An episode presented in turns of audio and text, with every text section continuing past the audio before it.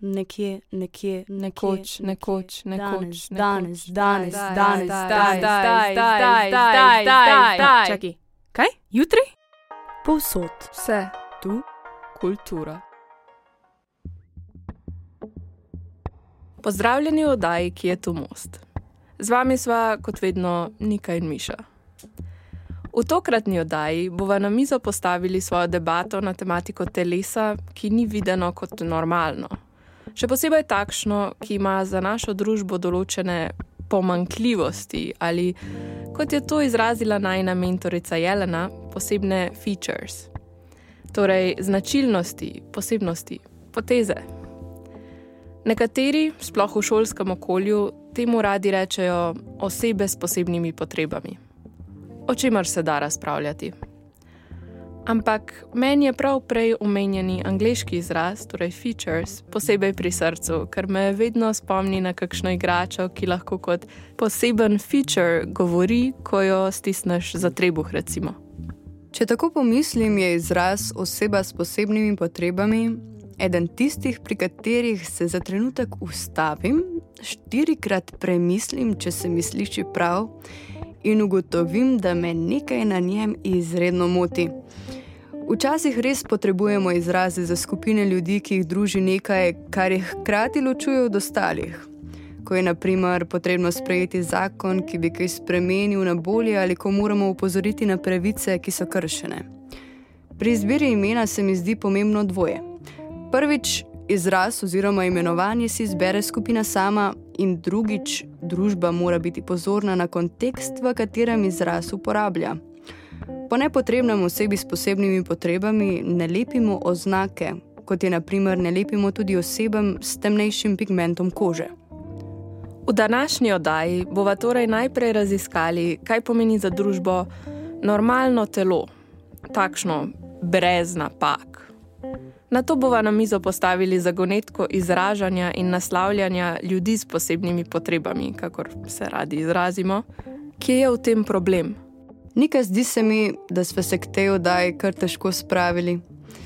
Kje misliš, da se nama je zataknilo? No, pravzaprav že kar pri imenu. Kako sploh nasloviti oddajo? Nadaljevalo se je v razmišljanje, kako pristopiti do ljudi in seveda do koga. Bi bilo ljudem v redu, če jih za oddajo pokličeva zaradi njihove izkušnje z neko fizično pomankljivostjo telesa.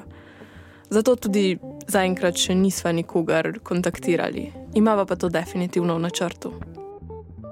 Ej, sploh ne vem, kako bova izpeljali oddajo, če je najen odnos do izraza, ki naj bi bil v tej oddaji največkrat uporabljan, negativen. Zelo bi mi pomagalo, če bi od oseb, ki jih je ta oznaka doletela, dobila usmeritev, kaj je prav in kaj je narobe. Zato se tudi jaz zelo veselim najenega pogovora s kom, ki je označen za osebo s posebnimi potrebami. Torej, kako se bova lotili te čudne živali? Izpostavili bova najne pomisleke in oddajo seveda zgradili kar na njih. Torej, najna prva teza je, ljudje smo si enakovredni, nismo pa enaki. In to je treba izpostaviti še posebej, ko gre za sposobnost. Ne moremo se delati, da to ne obstaja. Najna druga teza je: ljudi se naslavlja kot ljudi. Nismo le izstopajoča lasnost, ampak skupek njih, ki nas delajo unikatne. Torej, če se le da, osebo naslavljamo, brez da izpostavljamo nekaj na njej. Tudi meni bi bilo neprijetno, če bi me Nika, naprimer, imenovala za osebo s predolgo desno čeljustno kostjo, ali pa da bi, naprimer, roka oklicali za osebo z dioptrijo. Mislim si, da si nekdo, ki ga celo življenje na prvi vtis vidijo kot nekoga s posebnimi potrebami, če tako rečeva, kdaj želi le, da bi ga videli kot človeka. Razmerje med tema dvema poloma in tem, kaj bolj ustreza komu, pa je najbrž odvisno od posameznika. Danes se bomo torej pogovarjali o fizičnih lastnostih, ki v trenutnem družbenem konsenzu veljajo za drugačne. Takšne, ki osebo individualizirajo kot nekoga, ki naj bo deležen drugačne obravnave, ker jo, oklepaj, po nekogajšnjem mnenju, zaklepaj, potrebuje.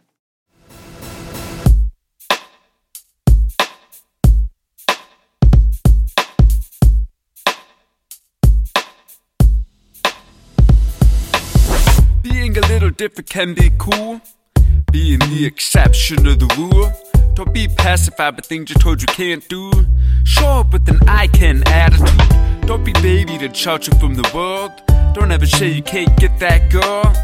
Always say it's them, not you. It's tough when your parents first hear the news. The system is well intentioned, but not always so worth defending. They always have to use a label, calling us unfortunate or unable. Don't let anything hold you back. Don't let anyone say facts are facts. Open your mind, open your eyes. You can be anything you want if you just try. You have the choice to ignore advice from those who think they know it all. They don't. Follow your intuition, your instincts. They'll guide you in the right directions. Every road you take, there's a lesson, a story of perfect imperfection. There's so many out there they label artistic, who said their goals were too unrealistic. I've seen it personally firsthand, the true success of a fine young man. Don't let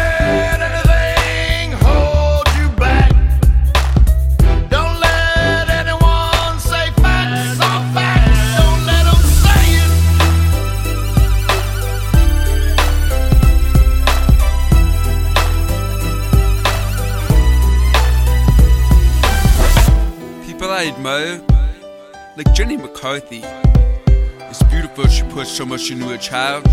I just know he'll grow to be something. And to the millions of parents who get the news, keep on trying. There's so much you can do. I'm no ambassador or to child. Some say I've overcome being insufficient. Just had to take a stand, take a position. Keep on, keep it on, never lose direction. Never let anyone block the road you're heading. Pass them by, hold your head high. From time to time, you'll fall off track. But don't let anything hold you back. Don't let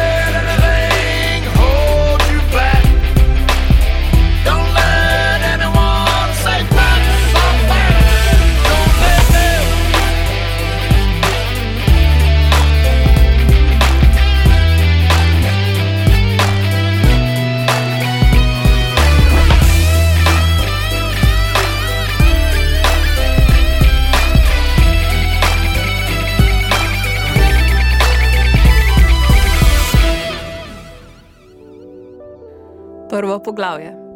Definicija normalnega telesa. Vsi smo si različni, vsi imamo določene prednosti in slabosti, določene sposobnosti ali pa nesposobnosti. Jaz recimo nadaleč ne vidim dobro in tudi v teku in odrivu pri skokih ne blestim. Kako torej določimo, kaj je normalno telo in njegove sposobnosti, in kaj je pomankljivo telo? Kje je meja? Joj, ne vem. In kdo je sploh upravičen do določanja teh meja? Zdravstvo, modna industrija, mediji. Za me je vsako telo unikatno, ni pa normalnega. Nika, a misliš, da bi normalno telo lahko enačili s povprečnim telesom, tako da bi izmerili vse fenotipske lastnosti, pa potegnili medijano, aritmetično sredino? Naprimer, v Sloveniji je povprečna ženska visoka 165 cm, težka 69 kg in stara 44 let. Povprečen moški pa je visok 178 cm, težak 85 kg in star 41 let. V mnogih primerjih bi rekla, da ja.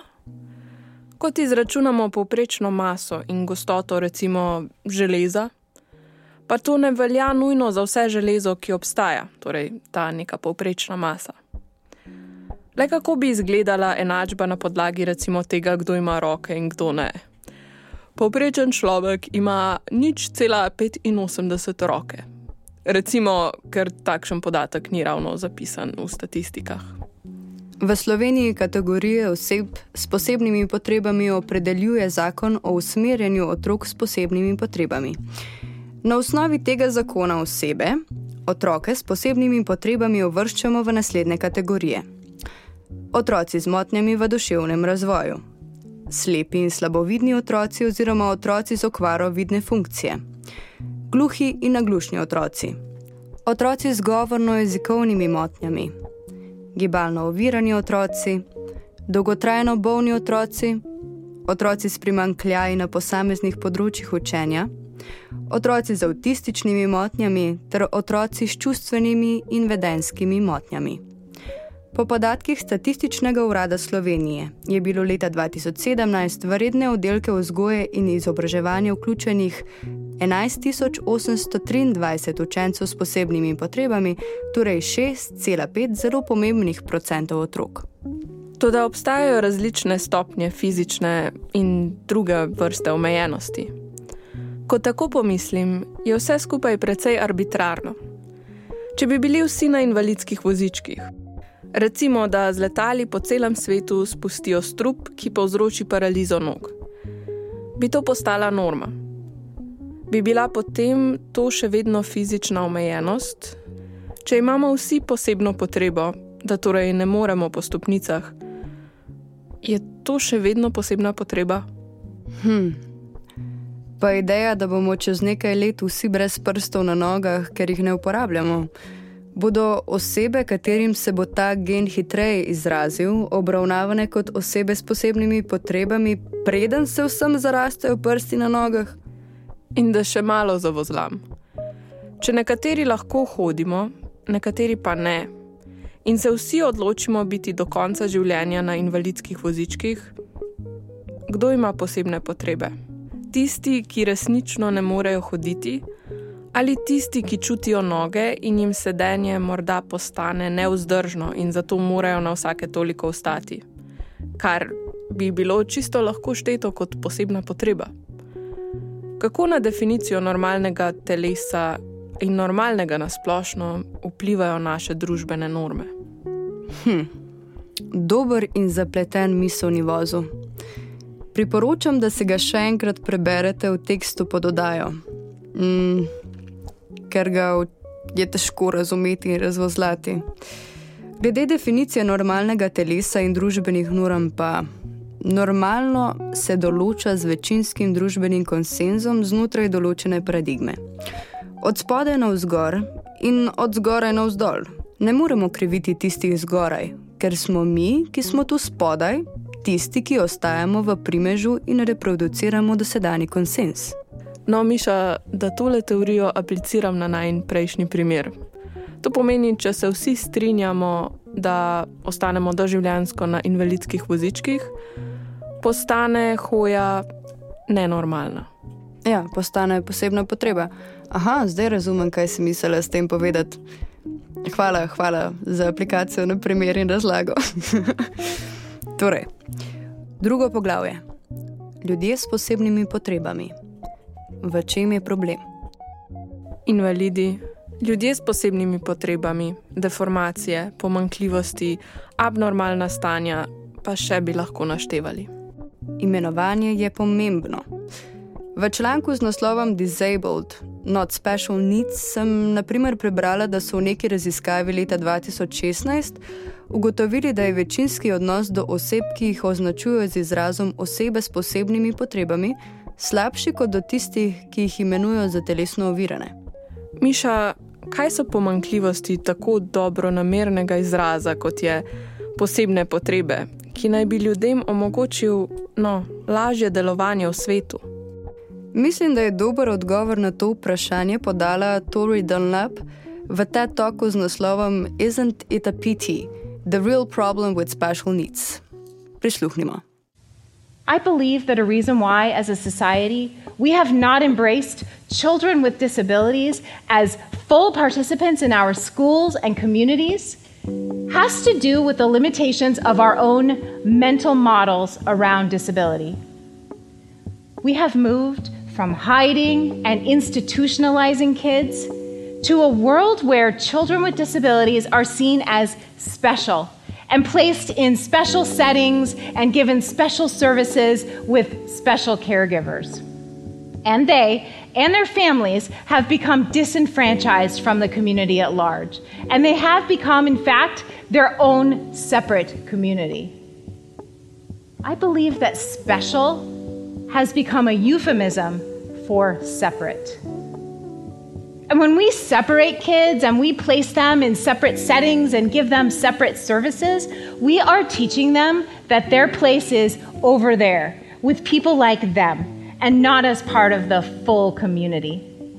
And when young, impressionable children learn that their needs are too great, that they are too different, and that they don't meet our very narrow definition of what normal is, this has a lifelong effect on their ability to contribute positively to society.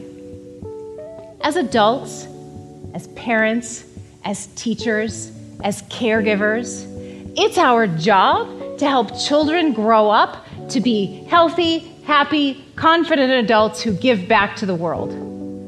But when it comes to children with disabilities, we have missed the boat. Verjamem, da je razlog za to, da kot družba še nismo sprejeli otrok s posebnimi potrebami kot aktivnih deležnikov v izobraževalnih ustanovah in skupnostih, naša omejenost glede oviranosti. Premaknili so se od skrivanja in institucionaliziranja oseb s posebnimi potrebami k temu, da jih obravnavamo kot posebne, jim namenimo posebno pozornost, oskrbimo s posebnimi oskrbovalci, ki jo seveda potrebujejo, a pri vseh izstopa beseda posebno. Posebno pa je v današnjem svetu so pomenka zaločeno. Ko ločimo otroke s posebnimi potrebami od ostalih otrok in jih neenakovredno obravnavamo, jih naučimo, da je njihovo mesto tam, sebi enakimi in ne z ostalimi kot del skupnosti. S tem naj bi se med drugimi ukvarjali tudi borci za človekove pravice. Naslavljanje kršenja človekovih pravic oseb s posebnimi potrebami je pomembno, nikaj ne? Definitivno.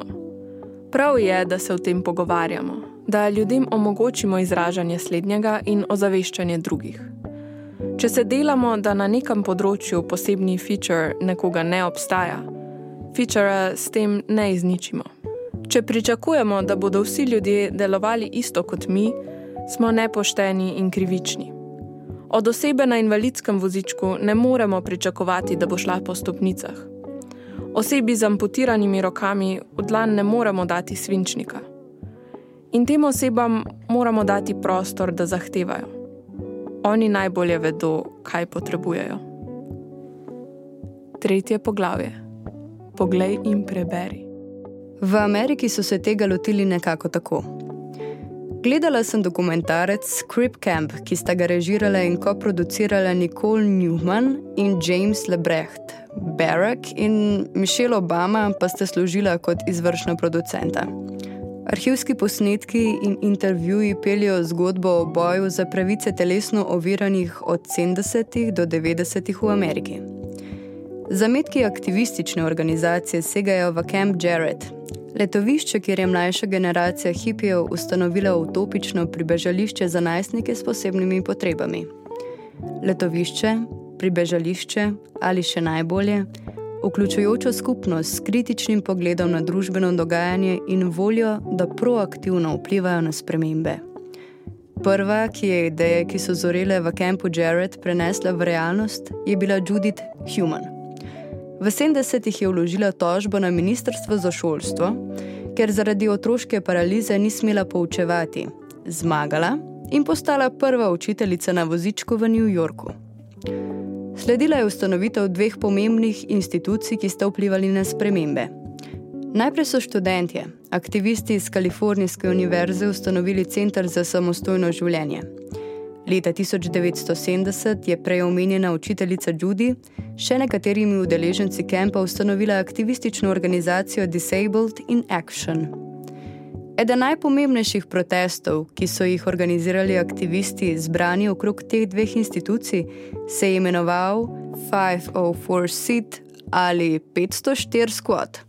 Za več kot en mesec je skupina aktivistov z mnogimi zdravstvenimi otežitvami zaskvatala oddelek za zdravje, izobrazbo in javno dobro v San Franciscu, ker njihove zahteve kljub Rehabilitation Actu, ki so ga izborili leta 1973, niso bile upoštevane. Aktivistično gibanje, ki je vzniknilo na kampu Jarrett, je doseglo sprejetje Americans with Disability Act v letu 1990. Kar se zdi še bolj pomembno, pa je to, da je dalo mnogim osebam s prilagoditvami možnost in občutek, da so del spremembe, ki si jo želijo zase in jo zahtevajo od družbe. Pred kratkim sem brala knjigo A Little Life, oziroma Majhno življenje, čeprav mislim, da še nima slovenskega prevoda, avtorice Hanje Janagihare. Iz nje bi lahko izluščila marsikatero temo. Toda ena bolj istopajočih, poleg globokih travm, je življenje z deformacijo.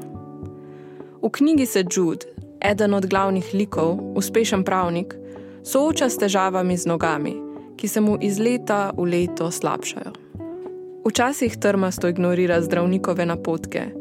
Je celo v toksični zvezi, kjer mu partner izrazito pove, da je šibek, če se bo odločil za invalidski voziček, ko pa še lahko premika noge. Včasih zanika lastno bolečino, da bi le lahko bil normalen. Ves čas se sprašuje, ali ga okolica vidi kot deformiranega, in težko zaupa prijateljem, da ga zaradi njegove deformacije na koncu ne bodo zavrgli. Občutek ima, da je pokveka in da je samo vprašanje časa, kdaj bodo ostali to odkrili in se ga odkrižali. Vsak med nami ima določene kvalitete in sposobnosti. Vsakdo je unikaten in lahko svojo edinstveno pojavnostjo prispeva k družbeni blaginji. V spoznavanju naše različnosti in v sodelovanju lahko sooblikujemo spodbudno okolje, v katerem lahko vsakdo po svoji izbiri prispeva, kolikor lahko in s tem doda gradnik za boljši jutri vseh. In zdi se mi, da je to lep zaključek današnje oddaje. Kaj ne? Hvala Roku Hvala, Miši, in hvala Niki. In hvala vam, dragi poslušalci. Se slišimo prihodnič.